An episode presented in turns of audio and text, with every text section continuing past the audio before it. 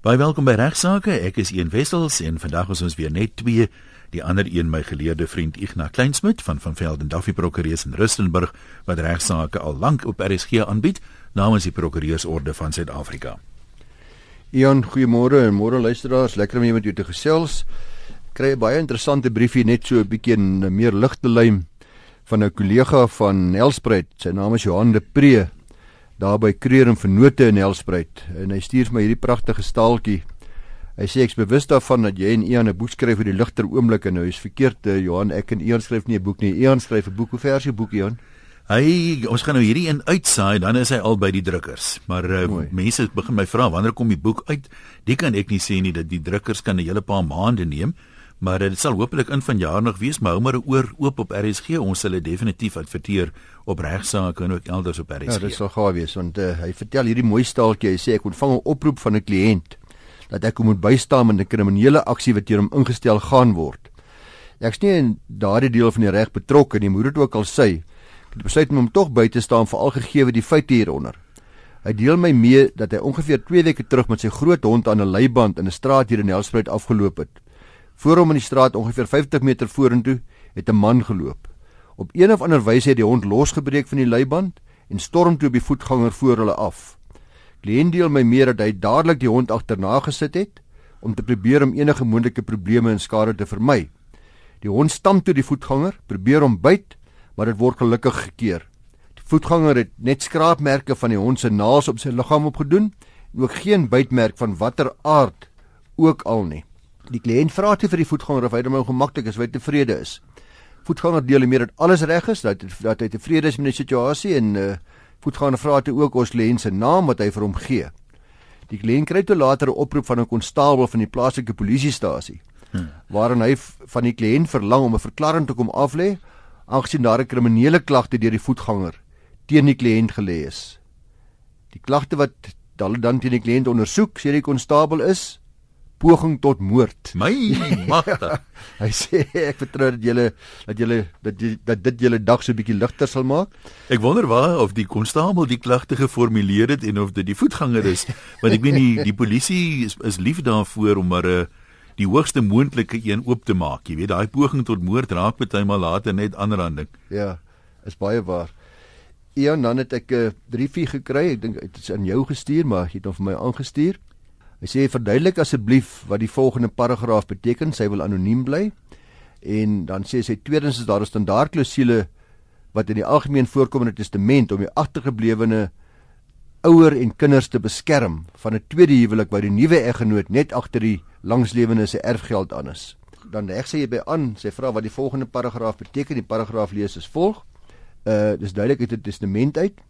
Ek bepaal dat enige erflating of inkomste wat ontvang word in terme van hierdie testament, asook die opbrengs, die herbelegging van opbrengste en die inkomste vry moet wees van die regsgevolge insluitende enige aanwasbedeling van 'n bestaande of toekomstige huwelik van enige begunstigde, het sy binne of buite gemeenskap van goed.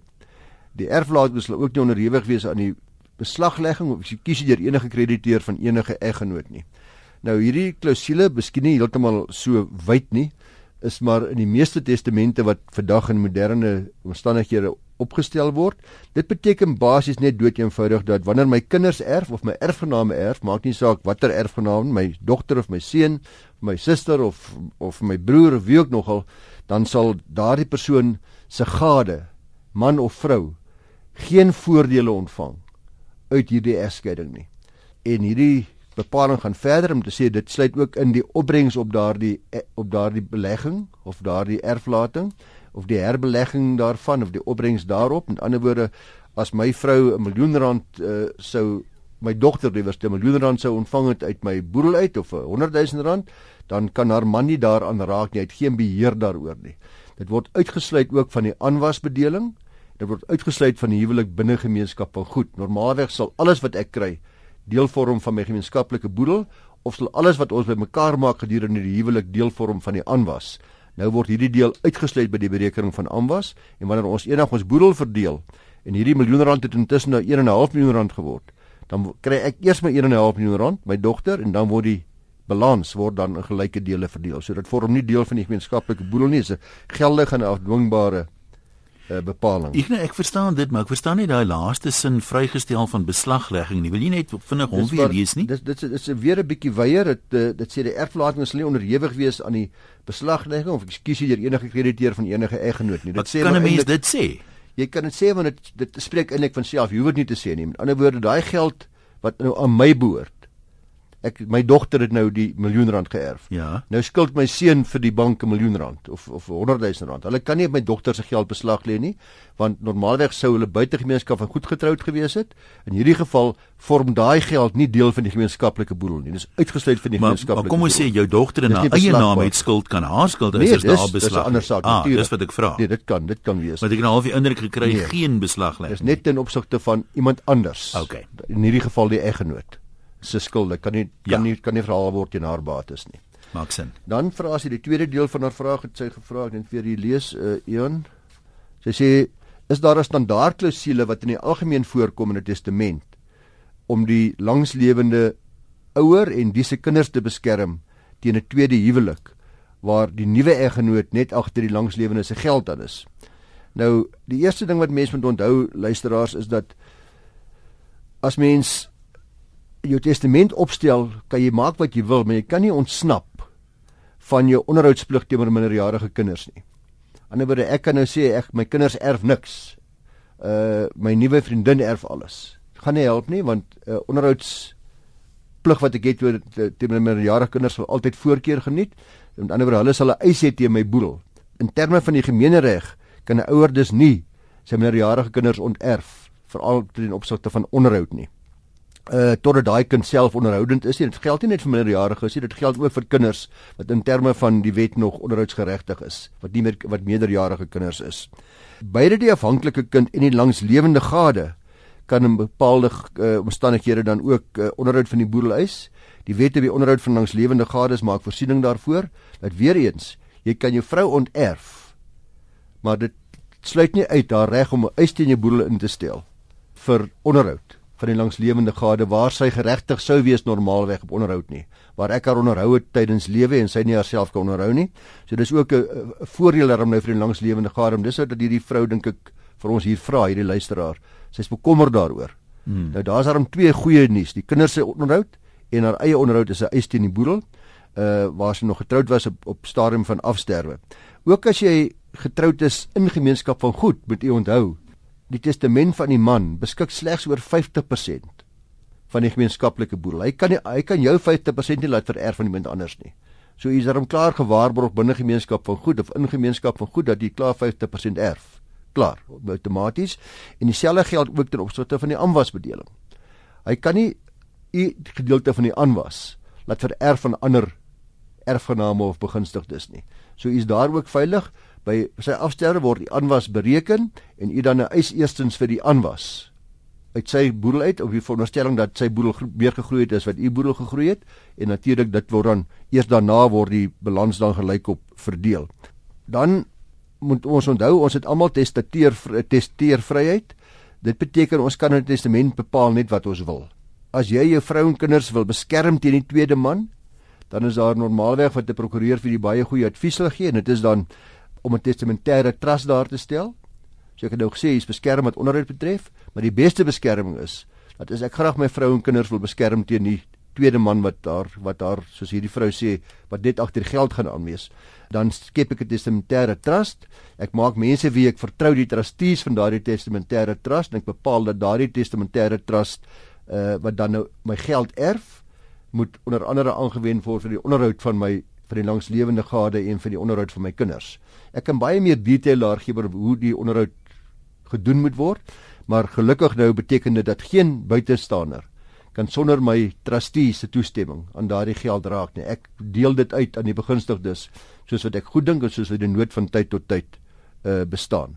So die plan is is veiliger in 'n sin as daai klousule wat ons in die begin wat 'n bietjie beskerming bied, maar hierdie bied algehele beskerming. Algemene beskerming. Nou net so 'n paar algemene aspekte miskien terwyl ons hieroor praat Ian wat uh, miskien vir die langslewende gade ook belangrik is om aan die oor te knoop uh, wat haar regte betref by afsterwe van die van van haar eggenoot of anders te om ook.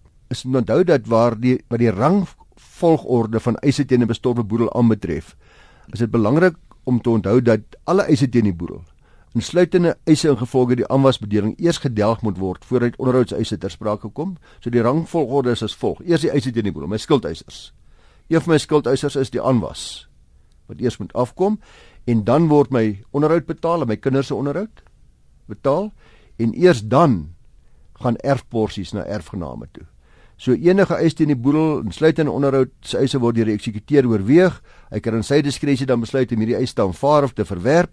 Uh en as 'n skuldeiser dan voel hy word te nagekom, uh omdat die omdat die uh, eksekuteur nie die eis wil aanvaar nie, dan kan hy hom tot die meester van die van die hof wend uh of later na die hof toe self om hierdie eis af te dwing.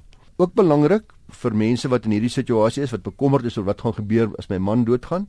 En dit is nogal belangrik dat mense wonder ook waar gaan ek onmiddellik geld kry om van te lewe? Want hierdie boedel vat baie keer maande en nie jare nie om afgehandel te word. En wat gaan ek doen intussen? As my man môre te sterwe kom en ek het geen inkomste nie en al die geld is in sy bankrekening en ensovoorts ensovoorts. En ek het vermoed hy se verhouding met sy sekretaresse is nog erger. Dan moet kan mens ook kyk na die feit dat waar begunstigdes in die geval van 'n lewenspolis benoem is, dan vorm die polisopbrengs nie deel van 'n bestorwe boedel nie. Hierdie polisse word naamlik direk aan die begunstigde uitbetaal. So u kan ook probeer seker maak dat u gade u as begunstigde benoem in sy lewenspolis sodat daar onmiddellik geld is vir u want daai polisse word regtig binne dae uitbetaal luisteraars gewoonlik binne 'n paar dae na dood So daardie sterfte sertifikaat en die kennisgewing daar is dan sal die meeste versekerings as daar geen onraad is wat vermoed word nie. Uh soos byvoorbeeld selfmoord of so iets nie. Waar dit duidelik is sal die meeste versekerings dadelik vir u uitbetaal. Dit beteken jy sit onmiddellik in 'n lekker beter kontant situasie. So probeer seker maak dat die lewenspolisse van van gades, u man en die vrou dat u duidelik daar as begunstigde aangewys is dat dit nie die, eers na die boedel toe moet gaan en deur die hele proses moet gaan nie want dit uh, vat 'n lang tyd. Dit word van die beredering van die wat die beredering aanbetref word nog steeds in aanmerking geneem vir boedelbelastingdoeleindes. Al word u direk begunstig in die polis, uh, maar dit word nie in aanmerking geneem vir berekening van die eksekuteursfooie nie. So mens spaar tog 'n bietjie ook op daai manier op die 3.5% eksekuteursfooie uh, word daai bedrag nie in berekening geneem maar wel vir boedelbelasting doen is as daar belasting betaalbaar is. Dan waar gades buite gemeenskap van goedere getroud is, kan dit nog steeds die feite van 'n uh, geval moontlik wees wat die hof sal bevind dat u in sekere omstandighede 'n vennootskap besigheid gedoen het. Aan die ander woorde, jy en jou man het same besigheid. Julle is buite gemeenskap van getroud, alles vererf na die na die nuwe sekretaresse toe of na iemand anders toe, maar u sal kan kom aantoon dat julle eintlik in 'n vennootskap besigheid gedryf het en dat 50% van daardie waarde van daardie betrokke besigheid dalk na u toe moet gaan. Uh maar dis weer eens belangrik as daar wel so 'n vennootskap is om dit liewers voor afsterwe reeds behoorlik op skrift te kry en die regte te gaan, want dit kry dit gereeld soos klokslag. Dat vrouens na die afsterwe kom sê maar daardie besigheid het my ook behoort. Ek was ook eintlik 'n belanghebbende daar gewees, maar dit is nooit op skrif gestel nie. Terwyl sy haar lewe daaraan gewy het en ja, net so hard ja. gewerk het. Dan dis ook interessant uh, die vraag of mens in jou testament of jy dit met jou erfgenaam moet bespreek insluitend in jou gade. Uh, nou ek persoonlik het al voorheen op hierdie program gesê en ek sê dit nou maar weer vir hierdie dame wat ingeskryf het wat bekommerd is oor oor wat gaan gebeur en hoe lyk die testament en wat gaan die gevolge wees as dit nie positief is nie. Ek glo dat dit in die baie gevalle gepas is om 'n klomp spanning te vermy by afsterwe. Tussen gades en ook met erfgename kinders ensovoorts afhanklik is om dit met hulle te bespreek is dikwels sinvol uh, om om 'n tafel te sit en vir hulle te sê wat wat die planne is uh sodat dit opgestel word op wyse wat regverdig is sodat daardie allerlei spanning en onmin en twis en risie en hofsaake is nadat die uh Ja, daar is al menige boek geskryf en fliek gemaak oor daai surprise surprise hier lees ons die testament. Ja. Jy weet en dan so snaakse bemarkings by nie. En dan een ander ding wat baie vir uh, langslewende gades pla, dis die hele kwessie van pensioen. Uh waarna toe gaan die pensioen? En wanneer daar sal jy sal vind in Bittermint Testamente word daar verwys na die pensioen, want in jou pensioenfonds dokumentasie self moet jy begunstigdes aanwys. So net soos by 'n polis waar jy begunstigdes aanwys, kan jy ook vir jou pensioenfonds laat weet. Hulle vra ook vir jou die vraag gereeld, na wie toe moet die voordele gaan en nou gee jy daarso sê na my eerste vrou toe en na my tweede vrou in gelyke dele. Of nee net na my eerste vrou toe of net na my huidige vrou toe. Of nee nie na iemand ek wil hê moet na my seun Jannie toe gaan wat in 'n rolstoel is of wat ook nogal. Dit is net 'n aanduiding hierdie vir die raad van trustees van pensioenfonde wat vir hulle 'n aanduiding gee van wat my wense was maar dis nie gebonde daaraan nie. Hulle kan nog steeds gaan kyk na wie die werklike afhanklikes was voordat hulle hierdie fonds gaan toedeel aan verskillende begunstigdes. Somstyds sal hulle dit byvoorbeeld deel tussen eerste vrou en die huidige vrou afhangende van inkomste en uitgawes situasies en afhanklikheid en ook kinders wat nog afhanklik is ensovoorts sekere formules toepas. Maar die punt is dat wanneer u wil aanspraak maak op die pensioenfonds van u oorlede gade, dan moet u behoorlike uh eis indien by die raad van trustees van hy pensioenfonds wat u behoorlik motiveer waarom u as 'n afhanklike, want dis die belangrike deel, die afhanklikes gaan voorkeur kry. Die wat ger, die wat afhanklik was van die oorledene. Daarom moet u dit motiveer en dan gaan u dan uh, dan kan dit geargumenteer word. Dis ook baie belangrik luisteraars moet onthou asseblief tog om uh, na die egskeiding as jy geskei is 'n nuwe testament op te stel. Daar is slegs 'n vensterperiode van 3 maande by die testament betref en sou 'n huweliksmaat binne 3 maande na afhandeling van die egskeiding sterf, te sterwe kom, dan erf die voormalige gade niks. Daar word veronderstel dat die bedoeling was dat u onterf word as voormalige gade wie nou pas geskei is, maar as die testament na 3 maande nie gewysig word nie, dan erf u weer. So as u wil seker maak dat u timing is everything. as u as u wil seker maak dat u voormalige gade nie erf nie, uh, dan moet u nie aanvaar dat u gaan nie binne 3 maande sterwe kom nie. Maak maar dadelik die Nuwe Testament. Ja, ja. So dis alles maar goeie advies aan aan aan langslewende gades. Ja, Ian luisteraars, oor die jare heen het ek dit instaan en navraag van tyd tot tyd oor hoe die internasionale reg in mekaar steek. En eh, nooit werklik oor die tyd aandag daarom verleen nie, moet so min van ons daardeur geraak word. Die feit is egter dat die wêreld oor die afgelope dekade of wat soos ons almal gereeld sê, geweldig klein geword het as gevolg van globalisering. Invoere en uitvoere is nie meer vreemde konsepte vir ons nie en uh, wat dis nie net konsepte wat net vir supermaatskappye ensovoorts geld nie. Uh, in 'n dorp soos Rustenburg byvoorbeeld waar ek praktiseer, het ek al 'n hele paar kliënte wat goedere uitvoer na verste uithoeke van die wêreld uh, en ook ander wat weer invoer. Uh internasionale kontrakte is dus in die orde van die dag al hoe meer klein besigheidsmense begin ook besef wat die voorbeelde is daarvan om jou besigheid se bietjie uit te brei buite die grense van jou dorp en dan ook veral buite die grense van jou land, veral ook in Afrika deesdae. Ja, nou met die wisselkoers om in dollar betaal te word is nie te versmaai nie. Ja. Maar dit is ongelukkig so dat die internasionale kontrakte reg geweldig ingewikkeld is, is 'n ware spesialisasie gebied. Uh nou dat nie gewens is om jou neus in internasionale handel te steek as jy nie 'n goeie resadviseur het om jou hand behoorlik vashou nie en daar is min van hulle wat werklik hierdie reg so goed ken as wat mens moet. In 'n netedop kan 'n mens sê dat die belangrikste regsvraag mynsinsiens wanneer mense van verskillende lande met mekaar besigheid doen, is normaalweg watter watter regstelsel toegepas gaan word op elke afsonderlike element van die besigheid wat gedoen word. Dis eintlik waar internasionale kontrakte reg waarmee dit handel, internasionale privaatreg. Uh hierdie privaatregtelike verhouding tussen Chinese, Japanees, boerseun, Amerikaner, Kiwi en ander wat met mekaar besigheid doen, word gereguleer deur die internasionale privaatreg. En LLB studente studeer dit uh, in 'n redelike oppervlakkige wyse, maar kyk bietjie daarna. Ja, dis dikwels ook 'n keusevak. Is dikwels 'n keusevak, ja. Die internasionale privaatreg gee dan vir ons allerlei riglyne om aan te dui watter dele van die privaatreg deur watter regstelsel gereguleer word So byvoorbeeld die huweliksreg is 'n baie maklike voorbeeld. Daar sal die regstelsel byvoorbeeld verskil ten opsigte van die huweliksgoedere bedeling, dit wat op my bates van wat watter binne buite gemeenskap goed dis oor van dinge. Uh en die reëls van toepassing op die egskeiding self. In die een geval speel die domisilium 'n rol, dit waar ek gedomisilieerd is.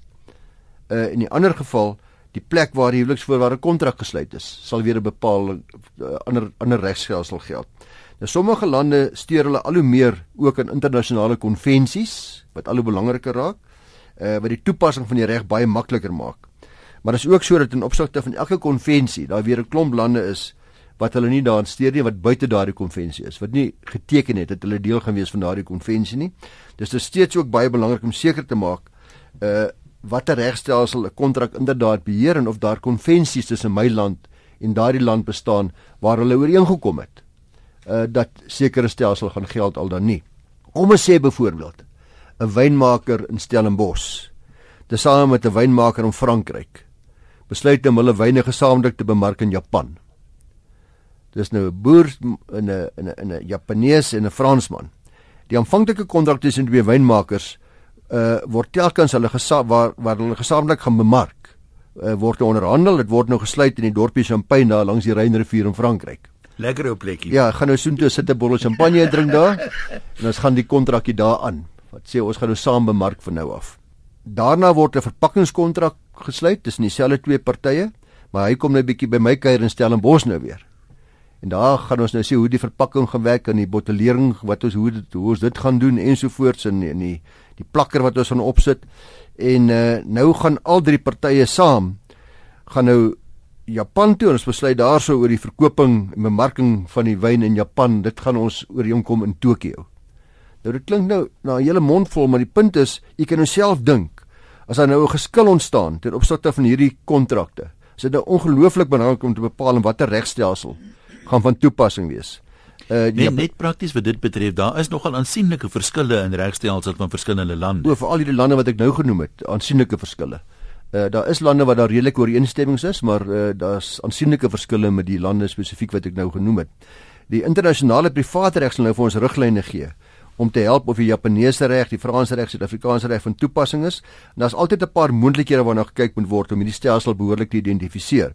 Indien die partye niks daaroor gesê het nie, met ander woorde, al die kontrakte swyg, geen spesifieke regstelsel het hulle in gedagte gehad nie, dan moet die hof nou bepaal watter reg van toepassing gaan wees.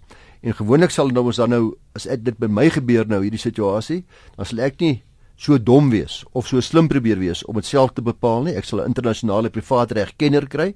Ons universiteite is nogal 'n paar besondere mense wat hierin spesialiseer.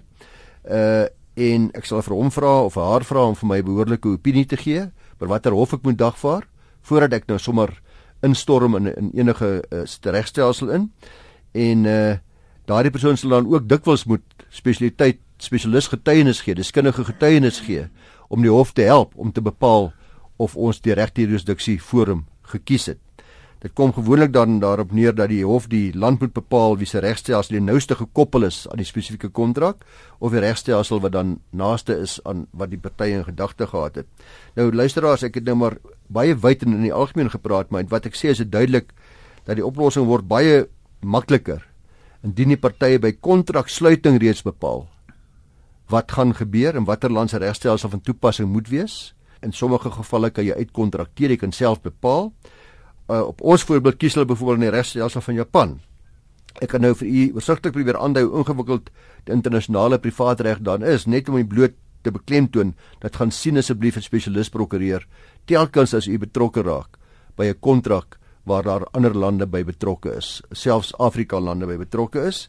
Ek wil u verseker dis 'n geweldige durende tydrowende proses indien daar oor die hele wêreld heen gelitigeer word bloot om bepaal watter hof uiteindelik die regte hof is. Jy's platsak lank voordat jy jou eerste voet in die korrekte hof gesit het. Uh so hier is woorde geval waar voorkoming by, by verre weg die beste medisyne is. En dit is iets wat al hoe meer prakties raak want jy hoor baie van die jy nou die voorbeeld van van wyn genoem. Geweldig baie van ons wynlandgoedere voer uit na Asië, na Europa, na Amerika en ek dink dis iets wat die mense toenemend gaan gaan kry. Baie waar. Ek nou dink ons moet uh, daar haal droop. Miskien moet ons net vinnig weer vir mense sê as jy vir ons 'n onderwerpe wil stuur, vra wat jy wil hê ek nou moet bespreek. Hou net 'n gedagte, hy kan nie persoonlik betrokke raak en as jy 'n prokureur optree, wat ons wel doen hiermee, is ons gebruik jou vraag om mense oor die algemeen te bemagtig. So Ignas se raad is gewoonlik maar as jy dringend hulp nodig het, regshulp nodig het, gaan sien 'n prokureur in jou omgewing. Maar uh, wat die vraag betref, kan jy vir ons stuur sommer direk vir Igna, maklik om te onthou Igna by ffd.co.za. Ek sê baie dankie, ons praat volgende maandag dankie, weer. Dankie Ian, groetnisse aan die luisteraars.